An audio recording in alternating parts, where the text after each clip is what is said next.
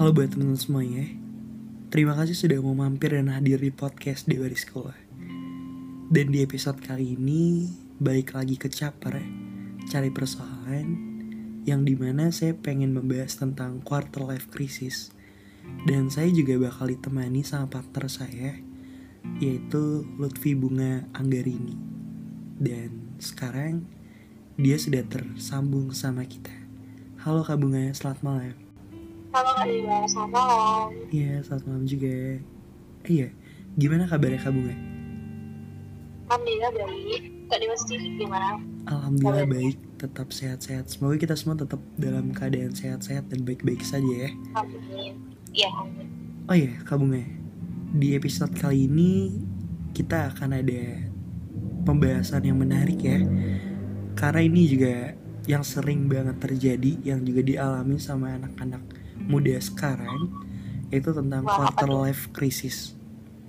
Jadi menurut Google yang kita cari riset ini, quarter life crisis itu adalah krisis perempat abad, yang di mana itu adalah istilah psikologi yang merujuk pada keadaan emosional yang umumnya dialami oleh orang-orang berusia 18 sampai 30 tahun.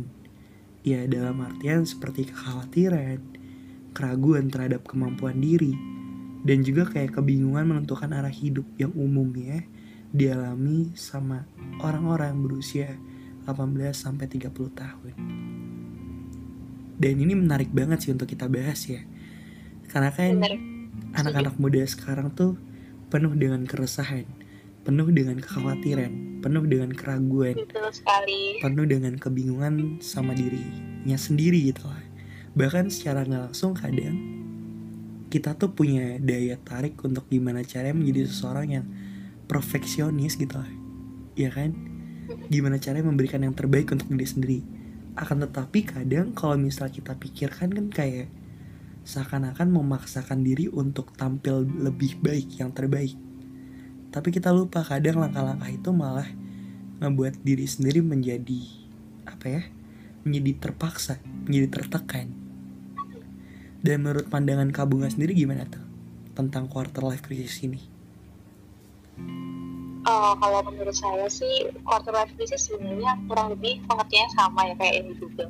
Hmm, Ya soal kekhawatiran atau ketakutan kita sebagai eh, generasi yang mungkin menginjak di usia 20 ke atas khususnya. Dan ketakutan ini sih saya rasa wajar untuk orang-orang yang mungkin karena kita terbiasa karena ya kita tinggal di Indonesia gitu lah hmm, dengan umur sekian kalau kita nggak dapat pencapaian yang eh, tetangga ibaratnya orang sekitar kita mau jadi kayak hmm, kita sering dituntut untuk jadi perfect di mata mereka. Yang secara nggak langsung eh, impactnya ke diri sendiri yang harus terus mengejar sesuatu yang sebenarnya kita nggak punya. Sebenarnya kita terlalu memaksakan diri dengan apa yang orang lain mau gitu. Hmm. Dan ternyata tuh quarter life crisis itu juga adalah suatu hal yang lumrah ya di usia-usia seperti remaja-remaja pada umumnya gitu lah. lumrah dan wajar. Apalagi eh, kita kan sekarang lagi generasi di generasi milenial ini ya khususnya ya. Hmm. media sosial itu kan udah banyak macamnya. Jadi kalau dulu lihat pencapaian orang itu kayak harus dengar dari omongan tetangga sekarang lihat HP aja udah tahu nih ini lagi lagi ngeproses apa lagi dapat apa jadi secara nggak langsung kita tuh langsung ke trigger Hmm. gitu loh Iya. kok orang bisa dapetnya cepet tapi eh, diri sendiri kayak gini-gini doang gitu jadi cepet pasti itu hal yang wajar Iya, sekali bener banget. Apalagi semakin kita bertambah usia, semakin bertambah dengan hal yang kita dapatkan dalam hidup, itu semakin semakin bertambah juga kan beban dan kebutuhan hidup juga gitu lah. Jadi kita mau nggak mau harus benar-benar survive di di kehidupan yang kita jalanin gitu lah. Karena kan kadang juga kita balik lagi ke yang namanya ekspektasi ya. Kadang dari diri sendiri juga ada ekspektasi yang di mana pengen tampil untuk bisa lebih baik dari sebelumnya.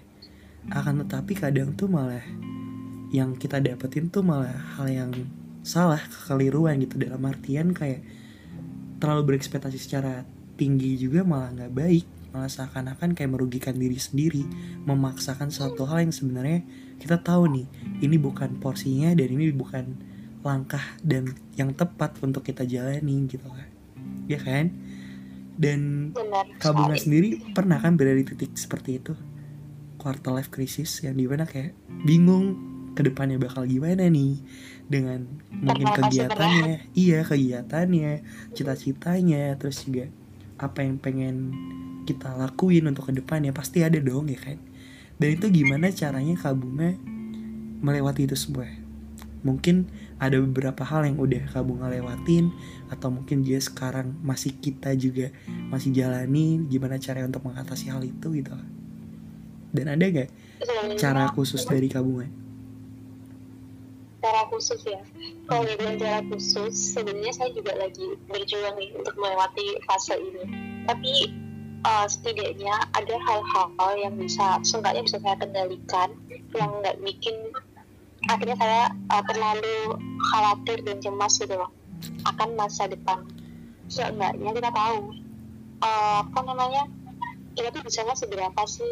Orang lain tuh juga bisanya seberapa Iya, kalau kita terus menerus kayak misal membandingkan apa yang udah kita punya sama punya orang lain ya pasti sebenarnya nggak ada habisnya.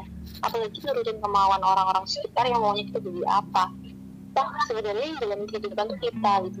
Jadi kenapa kita harus terlalu memikirkan kata orang? Jadi mungkin sekarang eh, lebih fokus ke diri sendiri sama berusaha banget buat nggak terlalu dengerin apa kata orang. Karena persepsi orang tentang kita itu adalah hal yang nggak bisa kita kendalikan Iya, benar sekali. Kadang makanya kan kalau misalnya pernah dengar satu kalimat perkataan seperti ini. Ketika kita memiliki kedua tangan, gunakan tangan itu untuk menutupi telinga kita. Bukan untuk menutupi mulut-mulut mereka karena kedua tangan kita nggak akan cukup untuk menutup mulut-mulut mereka yang mengatur hidup kita. Yang gimana cara kita untuk kumping kita dan terus berjalan untuk gimana caranya fokus sama hal yang pengen kita raih. Ya kan? Dan untuk ciri-ciri quarter life crisis juga kayak salah satunya merasa bingung. Bingung dengan apa yang harus dilakukan dengan hidup.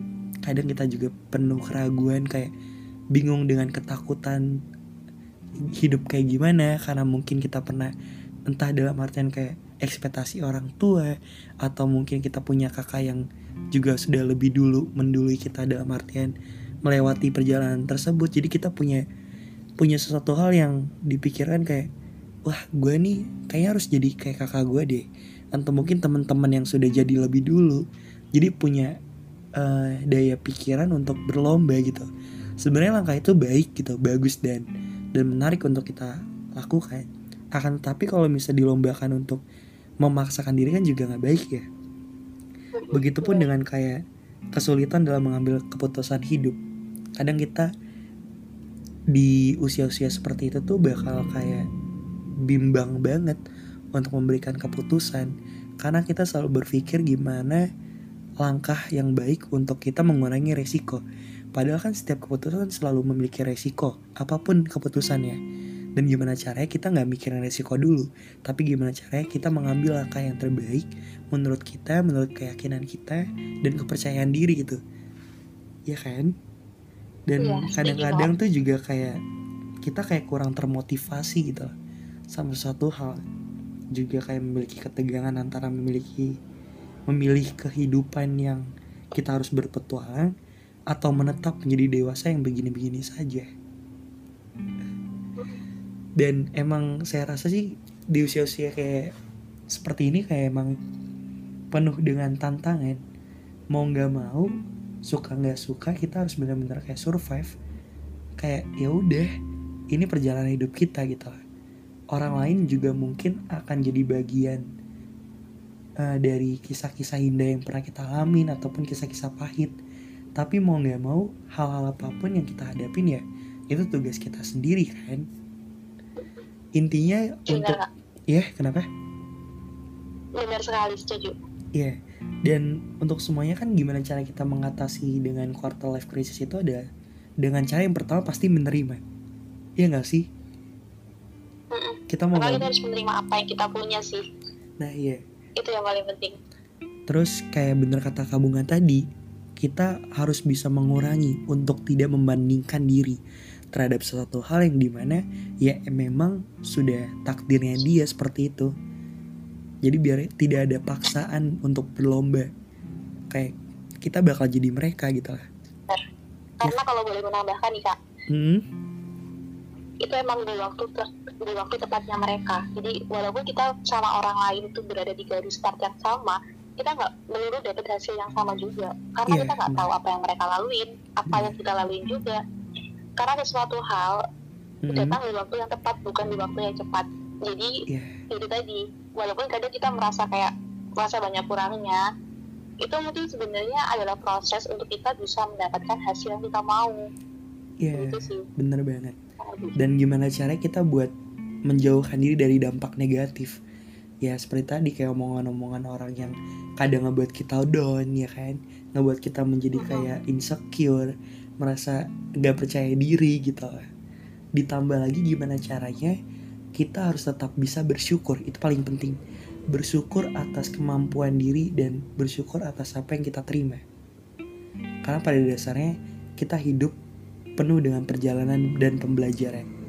Karena apa pun nantinya yang kita dapetin bisa jadi pembelajaran dan juga langkah awal untuk mendapatkan hal yang terbaik dari yang sebelum-sebelumnya. Karena gitu kan, kita juga harus hidup di masa sekarang.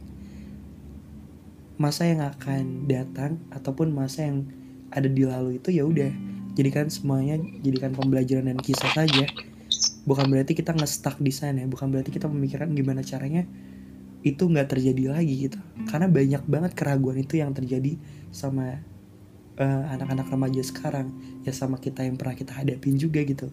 Ragu dan takut takut kembali ke zona yang di mana ngebuat kita banyak dapetin kekecewaan kesedihan juga keterlukaan.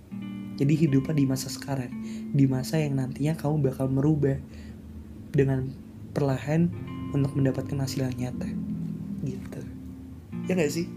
Wah jadi seserius ini kita Benar ngomong. iya tapi emang masalah quarter life crisis itu bukan sesuatu hal yang bisa kita anggap sepele sih. Hmm, karena ya ketika kita nggak bisa eh, istilahnya kayak nggak bisa menghadapi itu jadinya kayak beban mental sendiri ke kita. Hmm, ya akhirnya iya. mungkin ada dua dampak ya. Mungkin bisa ke arah positifnya kita jadi uh, perlahan terpacu untuk berubah maksudnya untuk melewati itu atau malah sama sekali nggak mau bergerak dari zona itu. Karena udah terlalu takut udah kayak terlalu mengkhawatirkan apa yang belum terjadi. Mm-mm. jadi uh, itu tergantung gimana kita menghadapinya nantinya. Iya benar. Dan paling sering tuh quarter life crisis itu ada dan dan terjadi sama kita tuh karena itu. Berbagai tekanan atau tuntutan tuntunan dari orang-orang yang ada di lingkungan sekitar yang tadi Kak Bunga udah jelasin gitu loh. Itu yang biasanya kayak mengenai pencapaian hidup dan tujuan hidup seseorang gitu. Jadi kayak berlomba lagi, balik lagi. Kayak wah gue harus jadi kayak dia nih. Gue harus bisa kayak dia nih. Kita nge-startnya bareng-bareng. Terus kalau misal gagal kayak kok dia bisa kok gue enggak jadi kayak seakan-akan tuh kayak memaksakan diri juga nggak baik juga ya kan Iya, itu sih makanya dan kita juga kadang bukan kadang sih emang kita pasti pernah merasakan di titik tersebut. Dan gimana cara kita untuk melewatinya? Jawaban itu adalah pada diri kita sendiri. Mau segimanapun kalian memikirkan untuk termotivasi sama quote-quote yang terbaik tulisan-tulisan terbaik kalau dari diri kita tidak merubahnya ya nggak akan bisa ngasilin yang terbaik. Karena kan tulisan-tulisan itu hanya cuma penyemangat bukan acuan untuk kalian bisa yang ngebuat bisa semuanya adalah perjalanan hidup gimana caranya kalian melam- mengambil langkah untuk memutuskan kalian bakal melangkah ke mana. Oke. Benar sekali. Karena jangan salah sih kak. Kadang kita Iya. yang nulis itu juga sebenarnya buat reminder ke diri sendiri. Iya, jadi bukan cuma orang lain aja tapi buat kita sendiri supaya ingat kita pada titik ini kita harus bisa ngelewatin ini kayak gitu. Nah benar, apalagi kita kan juga suka nulis yang hal seperti ya. Karena kan Kak Bunga juga kebetulan sama-sama kayak saya kan Kak Bunga juga suka nulis dan juga kebetulan juga punya podcast juga ya kan? Jadi secara nggak langsung kadang kita berkarya orang-orang yang berkarya di bidang tulis menulis itu Secara nggak langsung sebenarnya mereka tuh menegur diri sendiri. Dan ketika orang lain bisa mengiyakan ya itu adalah sebuah kealhamdulillahan yang harus disyukuri ya kan? Secara nggak langsung kita Berarti menampar diri kita. Gitu. Iya menampar diri kita sendiri dan orang lain tertampar jadi ngebuat kita jadi oh yaudah bener ya. Hal-hal yang di mana kita menampar diri kita sendiri ternyata orang lain juga merasa tertampar. Dan akhirnya kita merubah secara pelan-pelan untuk menghasilkan yang terbaik. Gitu dan kabunga setuju. eh pernah nggak sih di titik bener-bener kayak kadang tuh takut kadang ragu kadang kayak cemas sama hal-hal yang di mana pengen kabunga jalani pengen kabunga dapetin gitu. Pasti pernah pasti pernah. Apalagi itu tadi kita kayak didukung kegalauan ini atau keresahan ini dengan adanya media sosial. Yang bikin kita ya itu tadi membandingkan diri. Dan sampai sulit buat sampai kita, kita kayak nggak percaya diri dengan kemampuan yang kita punya. Jadi ya sebenarnya itu ya itu tadi halnya yang wajar juga insecure gitu tapi kali ya. bukan berarti mm-mm, tapi nggak membenarkan kita untuk terus menerus uh, kayak apa ya kayak jadi nyalain orang gitu loh. Kayak Hmm. misalnya jadi Iya. tadi kok orang bisa tapi aku jadi enggak jadi kayak nyalain orang. Harusnya harusnya aku yang lebih baik kenapa jadi dia? Gitu kan jadi iya. uh, efek negatif efek negatif juga. Kenapa nggak dipikirin dengan pola pikir yang seperti ini? Kalau dia bisa kenapa harus gue nah benar sekali oh enggak dong kalau dia bisa harusnya saya juga bisa gitu harusnya benar Iya, itu kan udah hal yang biasa. Kalau dia bisa, ke- Mm-mm. saya juga harus bisa. Tapi kan kalau misalnya, kenapa nggak digunakan dengan dengan yang tidak biasa? Kalau dia bisa, kenapa harus gue? Gak nih tapi kita kalau kalau dari gitu konteks. jadinya konotasinya negatif dong kita disuruh jadi apa jadi berada di zona yang sama itu tadi nggak boleh nggak bisa bergerak lagi ke mana-mana Ya, intermezzo, bercanda aja, biar nggak terlalu serius juga. oke Dan ya akan sangat sulit sekali sih. Tapi saya yakinin setiap orang pasti bisa melewati quarter life crisis ini. Karena pasti setiap orang punya jalan yang terbaik atas masing-masing di dalam dirinya sendiri. Karena pasti dalam hidup kan selalu ada perubahan-perubahan yang terjadi. Selalu ada hal-hal menarik yang bisa dicoba. Makanya saya selalu memiliki pikiran yang seperti ini. Jangan pernah bosan untuk menjadi seseorang yang penasaran. Karena apa? Semakin kita berpenasaran sama suatu hal, semakin kita jadi tahu sama banyak hal. Semakin kita jadi punya keputusan-keputusan yang nantinya kita tidak lagi mikirin tentang risiko yang terjadi, tapi gimana caranya mengambil langkah yang terbaik untuk diri kita sendiri. Gitu. setuju banget Dan dari Kabung ada nggak quotes terbaik yang Kabunga ciptakan mungkin buat didengar sama temen-temen podcast sekarang yang dengerin podcast ini ada nggak dari Kabunga? Em, ada sih mungkin ini kali ya Apa? ya? oke buat kalian yang mungkin lagi di fase ini eh, sebenarnya kalian harus ingat sesuatu kalau kalian itu hebat di mata orang lain di mana banyak yang iri dengan kemampuan yang kalian punya jadi daripada kita terus menerus mencari apa yang gak kita punya kenapa nggak kita maksimalkan apa yang kita punya ini? Karena kita semua itu hebat. Gitu. Iya, karena kita semua itu hebat. Dan kita punya kemampuan masing-masing bukan karena faktor orang lain. Kita harus menjadi dia, tapi kita harus menjadi diri kita sendiri. Cintai dan sayangi diri kita sendiri. Kadang kita lupa untuk mencintai diri kita sendiri karena kita terlalu fokus untuk mendapatkan kebahagiaan dari orang yang kita cintai. Wih,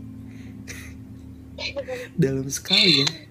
Ya karena dalam sekali ya karena juga eh, quarter life crisis juga berpengaruh juga tentang eh, hubungan dan juga permasalahan keluarga itu juga pengaruh banget sih dampaknya besar Pengaruh.